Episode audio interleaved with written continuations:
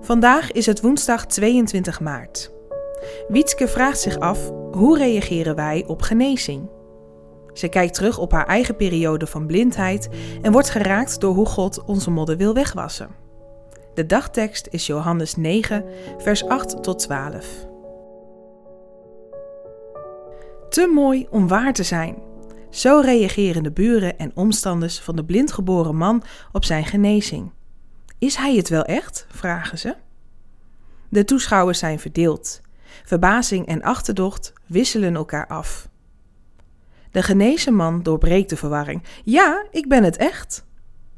Of iedere achterdochtige tot geloof komt, wordt niet vermeld. Wel lezen we de vragen die ze blijven stellen. Hoe dan? En waar is die man, die Jezus nu? De vragen van toen zijn nog steeds de vragen van nu bij het zien van fysieke of geestelijke genezingswonderen. Hoe reageer je op wonderen in levens van anderen? Toon je geloof, achterdocht of stel je vragen? Wat doe je als je zelf genezing ervaart? Spreek je vrij uit als de blinde of ben je bang voor wat de buren zeggen? Dit laatste heb ik ervaren toen ik overspannen raakte.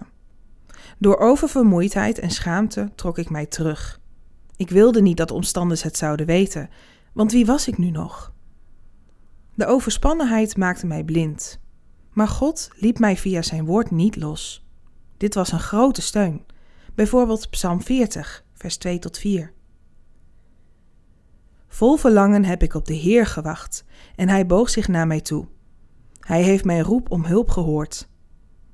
Hij trok mij uit de kuil van het graf, uit de modder, uit het slijk. Hij zette mij neer op een rots, een vaste grond voor mijn voeten. Hij gaf mij een nieuw lied in de mond, een lofzang voor onze God. Mogen velen het zien vol ontzag en vertrouwen op de Heer. Net als bij de blinden verdween ook mijn modder. Psalm 40 geeft dit proces prachtig weer in vier fasen: wachten, wassen, wonen en waarderen. Als eerste het wachten. Wachten op God door bij Hem te rusten en op te laden. Wachten, soms ook zonder te weten waarop en hoe lang. Vervolgens het wassen. Mijn blindheid weg laten wassen. Langzamerhand mijn verkeerde opvattingen over mijzelf laten vervangen door het beeld dat God van ons heeft als zijn geliefde kinderen. Dan het wonen. Door het nieuwe beeld dat ik ontwikkelde, kreeg ik een vaste grond onder mijn voeten. Alleen God is de rots waarop ik veilig kan bouwen.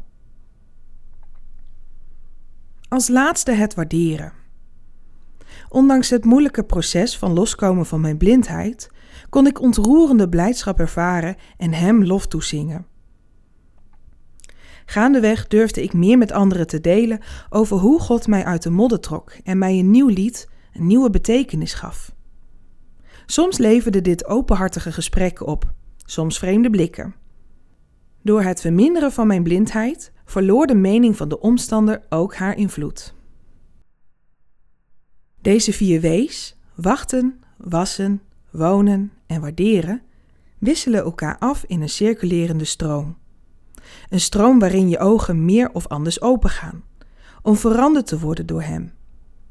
De ene keer smeert hij modder, dan weer was hij het weg of wijst hij de weg naar Siloam. In welke stroom, in welke wee je je ook bevindt, de vijver Siloam, het levende water, is vlakbij. Net als de genezen blinde doorbreekt Jezus ook graag je verwarring door te zeggen: Ik ben. Ik ben het echt. Ik ben het levende water. Velen hebben daar al uit gedronken en hun dorst gelest. Dat is zo mooi. Dat moet wel waar zijn. Ga je mee?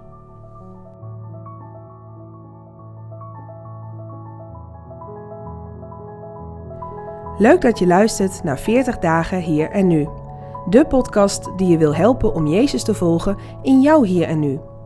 Deze podcast is een initiatief van Verre Naasten, Lume, LPB Media en Kerkpunt.